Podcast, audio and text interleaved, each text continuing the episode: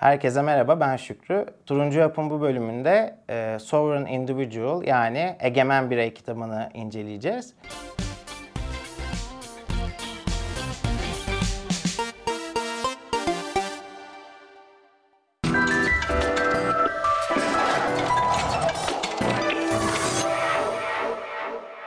E, bu kitap isminden de belli olduğu gibi e, yeni koşullarda, yeni teknolojilerle birlikte bireylerin nasıl egemen kalacağını e, yol haritasını çiziyor diyebiliriz. Kitap 97 yazımı bir kitap. İki yazarın birlikte yazdığı bir kitap. Yazarlar James Dale Davidson ve Lord William Rees-Mogg e, daha önce de birlikte kitap yazdı ve e, bu kişiler aslında uzun yıllardır newsletter tarzı e, ekonomi hakkında yazılar yazan kişiler.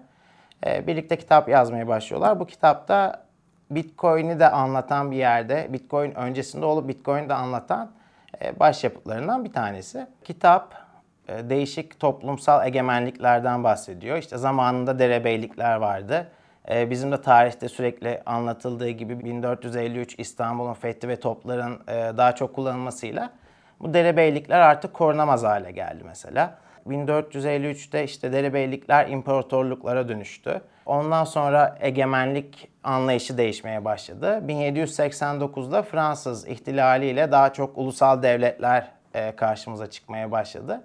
E, ve hala günümüzde ulusal devletler egemen. İkinci Dünya Savaşı sonrasında ulusal devletler e, egemenliğini sürdürürken daha farklı merkezi yapılar da karşımıza çıkmaya başladı. İşte Birleşmiş Milletler, NATO vesaire gibi daha merkezi ve az kutuplu bir yapılanmaya geçildi. 1990'da globalleşmenin de e, iyice başlamasıyla yani Berlin Duvarı'nın yıkılıp globalleşmenin de başlamasıyla e, dünya farklı bir hale geldi ve bütün e, dünya birbiri arasında iş yapmaya başladı. Globalleşme ilk defa uzun zamandan sonra 2022 yani bu yıl e, biraz sekteye uğradı. E çünkü işte Rusya ve Ukrayna mevzusundan dolayı gene kutuplaşmalar başladı. Yani dünyada sürekli böyle döngüler oluyor. E, bunu biz çok basit olarak şey e, de diyoruz hani işte ilk nesil bir işi yaratır, ikinci nesil onu yüceltir, üçüncü nesil de batırır diye anlatırız Türkiye'de. Ya bu da aslında bir döngüleri anlatma metodudur. Bunu farklı olarak da zor zamanlar güçlü insanlar yaratır. Güçlü insanlar iyi zamanlar yaratır. İyi zamanlar zayıf insanlar yaratır. Zayıf insanlar da zor zamanlar yaratır olarak e, anlatırlar. Toplumsal egemenliklerin işte oluşmaya başlamasını biz aslında avcı toplayıcı çağdan tarımsal çağa geçtiğimizde görmeye başlıyoruz. E, çünkü tarım kültürüyle birlikte yerleşik düzene geçiliyor. İşte ekip biçmeye başlıyor insanlar ve ekstra ürettikleri şeyleri depolamaya başlıyor. Bu da farklı e, tarım toplumları ve kabileler için aslında bir ganimet haline gelmeye başlıyor. Şimdi bunların artık ganimetleri varsa bunu korumaya da ihtiyaçları var. Bundan dolayı daha çok toplumsal hiyerarşiler oluşmaya başlıyor. İşte koruyucu ordu sınıfı gibi bir sınıf oluyor. E, çiftçi sınıfı oluyor, yönetici sınıfı oluyor. E, ilk aslında hani bir toplumsal egemenlik yapısını o zaman görmeye başlıyoruz. Biriktirilenler değiştikçe de e, mesela işte altın para olarak hayatımıza girdikçe de artık tarımsal toplumlar buğday vesaire stoklamak yerine e, altın stoklamaya başlıyor. Çünkü zaten altınla birlikte her şeyi alabiliyorlar. Onlar sadece iyi ürettikleri şeyleri üretmeye devam edip karşılığında altın alıp e, o altına da başka bir emtiaya sahip olabiliyorlardı. Altın e, tabi nadir bir varlık olduğu için ve ele geçirilmesi zor bir varlık olduğu için de yani değerli bir varlık olduğu için de bunu korumaya ihtiyaç daha da fazla olmaya başladı. İşte zamanla derebeylikler kuruldu. Derebeylikler etrafında işte kalelerin olduğu, e, işte içeri girilip bir şeylerin alınmasına zor olduğu e, yapılardı. Derebeyliklerin kale duvarlarını yıkmak için de daha e, komplike silahlar geliştirilmeye başlandı. Bu da daha fazla savunma ihtiyacı doğurdu. Böylece silahlanma yarışıyla birlikte işte derebeyliklerden imparatorluklara geçiş oldu. Kitapta ileride dijital paraların olacağını ve altın veya işte tarımsal toplumlardaki emtialar gibi korunması gereken e, değerler olmayacağından bahsediyor.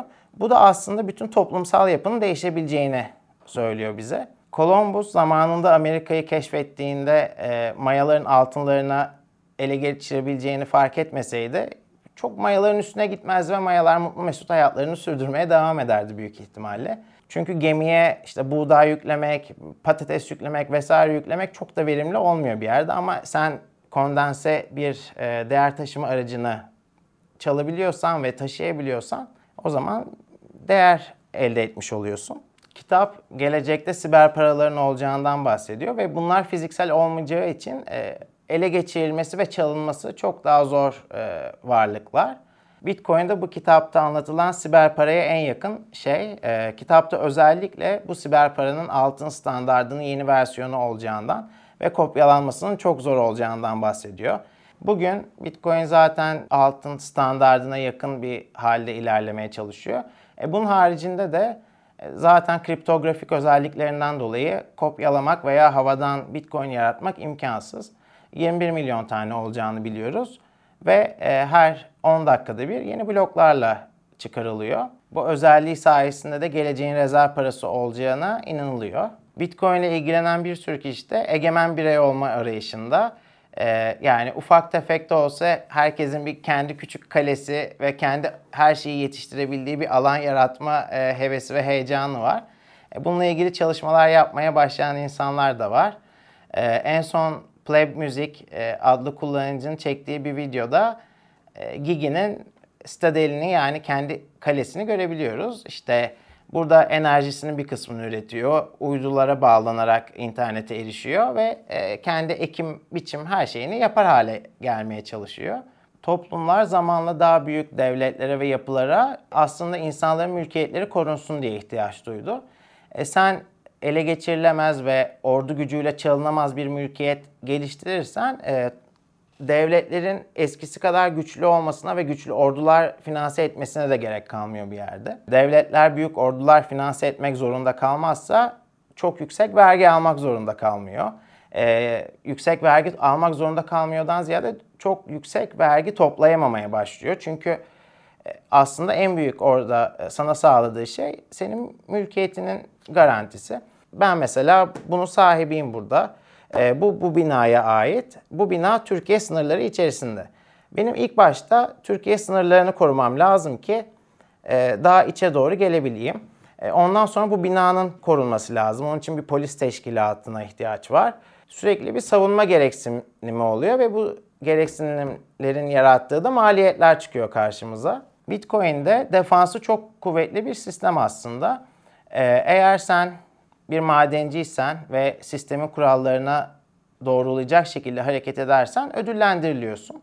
Eğer sen sisteme karşı bir harekette bulunursan yani teknik olarak bir saldırı gerçekleştirirsen e, bunun için de cezalandırılıyorsun. Cezalandırılmak da şu oluyor burada hani kimse gidip sana saldırmıyor. Sen boşu boşuna elektrik harcamış ve para harcamış oluyorsun bir yerde. Saldırganlığın ödüllendirilmediği bağımsız bir siber paranın olduğu dünyada e, savunma gereksinimleri de düşecek ve belki tekrardan derebeylik benzeri yapılanmalar göreceğiz. Daha küçük işte şehir devletler vesaire gibi şeyler karşımıza çıkmaya başlayacak diyor kitapta da. Kitapta bahsettiği en önemli şeylerden birisi ileride e, banka hesabında kaç sıfır olduğunun bir önemi kalmayacak diyor. Önemli olan senin e, vücutsal otonomini sağlayabiliyor olman ve özgürlüklerine hakim oluyor olman olacak diyor. Bu son iki yılda çok daha anlaşılır bir hale geldi. Hatta örnek vermek gerekirse e, çok özgür zannettiğimiz Avustralya vatandaşları bile yeni yeni özgürlüklerine kavuştular. Yani e, adaya hastalık gelmesin diye çok sıkı karantina kuralları vardı ve insanlar ülkelerinin terk edemiyorlardı bile. Ciddi izinlere başvurmaları gerekiyorlardı. İsteyen istediği şekilde tatile gidemedi bir süre. Kitapta internetin gelişmesiyle birlikte dijital arbitrajın artacağını yani isteyen istediği yerden istediği e, firma veya iş için çalışmaya başlayabileceğinden bahsediyor. Ödemelerini siber parayla artık gerçekleştireceğinden bahsediyor. İnsanların hareket kabiliyetinin çok daha fazla artacağından bahsediyor. Bununla birlikte de devletlerin e, şahıslar için daha uygun koşullar yaratma yarışına gireceğini söylüyor. Bunlar bence hep insanlığı ileriye taşıyacak gelişmeler. Çünkü insanların her yerden benzer koşullarda çalışabilmesi hem insan insanların yaptığı işin kalitesini arttırıyor hem de devletlerin birbiriyle olan rekabetini arttırıyor. Benim de görmek istediğim kitapta bahsedildiği gibi devletlerin birbiriyle silahlanma yarışmasına değil de e, özgürlükler ve haklar tanıma yarışmasına girmesi ve böylece çekebildikleri en nitelikli insanları çekmeye çalışması. Kitapta gelecekte hayatımızda e, fiziksel savaşların azalacağını ve bunun yerine daha stratejik savaşların olacağından bahsediyor. Bu konuyla ilgili de benzer çalışmalar görmeye başlıyoruz. E, MIT öğrencisi Jason Lowry e, master tezini işte Bitcoin ve ulusal stratejik defans ile ilgili yazmaya başladı.